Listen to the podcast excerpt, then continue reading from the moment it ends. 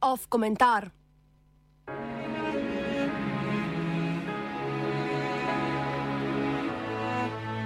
Seksizem na zrnu graha. Predvolilna kampanja, ki se je začela pred slabima dvema tednoma, za zdaj še ni postregla s kakšnim pretiranim ekscesom ali presenetljivim pripetljajem med tekmicami in tekmeci za oblast.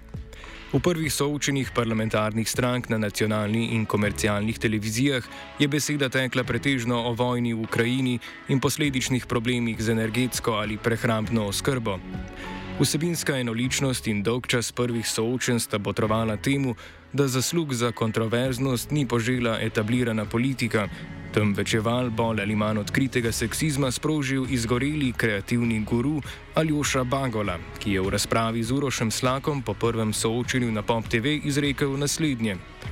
Sam sem trznil, ko je gospa Fajon izpostavila nogo, močna ženstvena poteza. Kmalu so po pričakovanjih trznili tudi uporabniki socialnih omrežij, le da so televizijsko držo predsednice socialnih demokratov Tanje Fajon pospremili še z odkrito mizoginimi opaskami.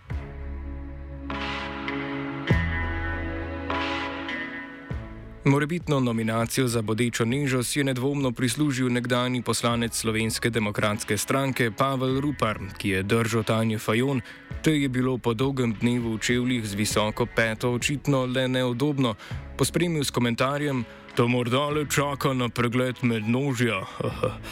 To vrstno izražanje mizoginije in šovinizma v slovenskem političnem prostoru nikakor ni novost.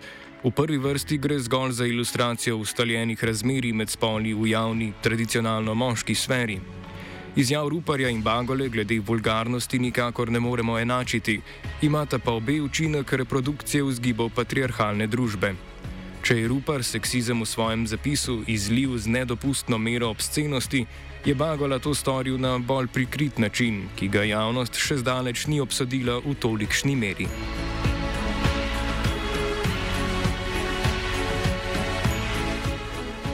Za začetek je problematična že Bagolova raba pojma ženstvenosti. Konstrukta moškosti in ženstvenosti sta bila namreč v opoziciji oblikovana v toku zgodovine, ki so ga pretežno zaznamovali moški. Uporaba enega ali drugega konstrukta na javnem področju, kot je politika, pa botruje ravno poglabljanju tega razlikovanja med moškostjo in ženstvenostjo. Moškost je v tem kontekstu dojeta predvsem kot instrumentalna vrlina, ženstvenost pa kot tisto, kar bo ženske vedno oddaljevalo od enakopravnega položaja na vseh poljih človeškega udejstvovanja. V odnosu moških do žensk pa je ta konstrukt vedno igral glavno vlogo pri argumentaciji podrejenosti drugega spola. Ženstvenost je bila torej zasnovana kot protipol dominantni moškosti.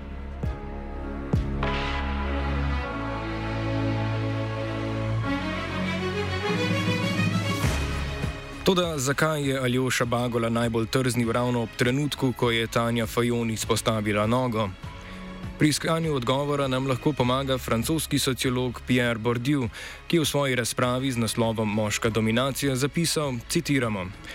Poveličevanje moških vrednot ima svojo temno stran v strahovih in tesnobah, ki jih zbuja ženstvenost.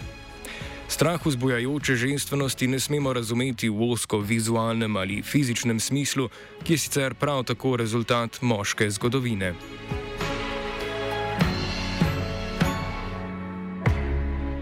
Izpostavljena noga oziroma v besednjaku Aljoše Bagola, močna ženstvena poteza, ga je namara vzburila zgolj zaradi tega, ker se tega od politi političarke ne pričakuje. Razmerje moči v slovenski politiki je še vedno pretežno prepredeno s politiki. To še zdaleč ne pomeni, da bi katera političarka svoje poslanstvo opravljala bolje kot njen moški kolega, ampak da so dejanja političark v prvi vrsti obravnavana z vidika najbolj stereotipnih predpostavk. Te pa so že izhodiščno zasnovali moški. Sklicevanje na ženstvenost najbolje ilustrira razumevanje slovenskega političnega prostora, kar lahko ponazorimo kar z izjavo Aljoše Bagola, ki je soočenje opisal kot terapijo disfunkcionalne družine z odsotnim očetom.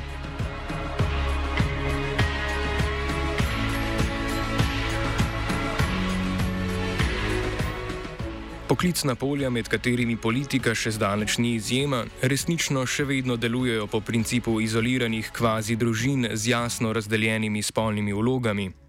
Že z industrializacijo je meščanska družina postala osnovna produkcijska celica z razlikovanjem med žensko ponižnostjo in moško instrumentalno imenitnostjo. Prav to uveljavljeno razlikovanje po drugemu spolu onemogoča, pa drugemu spolu onemogoča, da bi ženska stališča dobila veljavo, ne da bi moški podarili njihovo ženstvenost, ki pa jim morajo ženske seveda ostati zveste.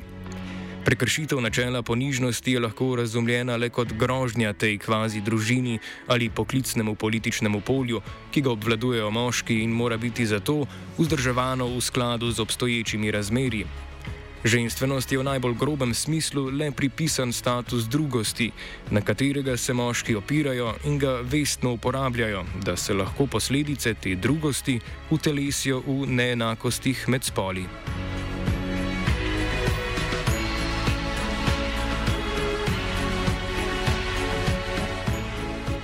Na prvi pogled se zdi, da pripisana ženstvenost ne samo politično delovanje političarke, na samo politično delovanje političarke nima vpliva, a poklicna moškost je bila zmeraj pojmovana kot imenitnost. Ne glede na to, kaj ženske počnejo, potem, so potem takem obsojene na to, da iz dneva v dan dokazujejo svojo drugost v moški realnosti, iz katere se morajo hkrati izviti, da bi lahko uresničile svoje aspiracije. Že dejstvo, da je Tanja Fajon prva predsednica ene od tradicionalno najbolj uveljavljenih strank v slovenskem političnem prostoru in da je bila po enem od prvih soočen omenjena njena ženstvenost, je dovolj nazoren dokaz ujetosti poklica političarke v domnevno imenitnost moških. Družba, zlasti poklicna, deluje kot trg simbolnih dobrin pod dominacijo moškega videnja, s katerim so ženske dojete kot blago, opredeljeno predvsem z vizualno podobo.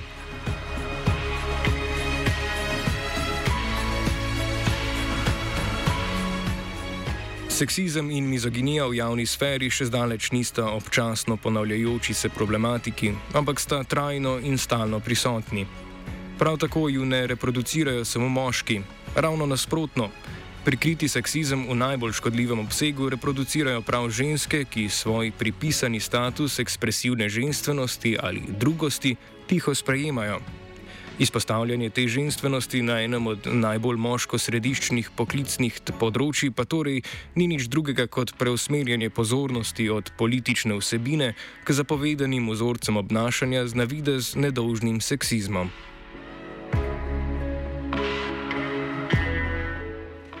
Posledično se razprava Uroša Slaka in Aljoše Bagola površinsko ne zdi škodljiva ali presenetljiva, Morda je Tani Fajon zaradi tega, ker sta izpostavila njeno ženstvenost, priskrbela še kakšen glas na prihajajočih parlamentarnih volitvah.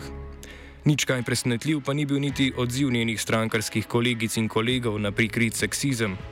Vidne članice socialnih demokratov so namreč v znak solidarnosti na Twitterju objavile slike v čevljih z visoko peto, Vidni člani, kot sta poslanec Matjaž Nemec in nekdani državni sekretar na Ministrstvu za izobraževanje, znanost in šport Jarnej Štromajer, pa so delili slike v robatih usnjenih salonarjih s pripisom hashtag neseksizmo.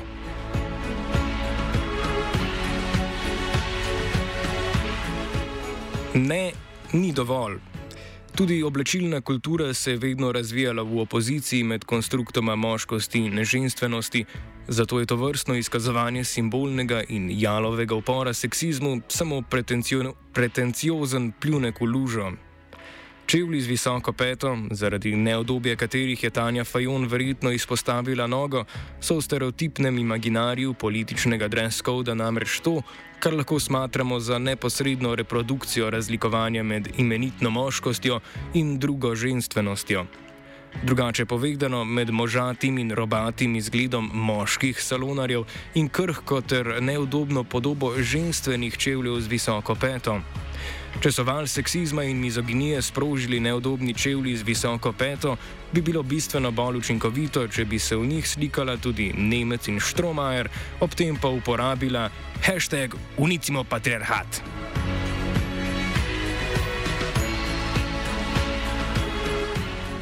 Vse, ki vam je v vaših čevljih z visoko peto neudobno, pa pozivamo, da raje obujete nekaj drugega.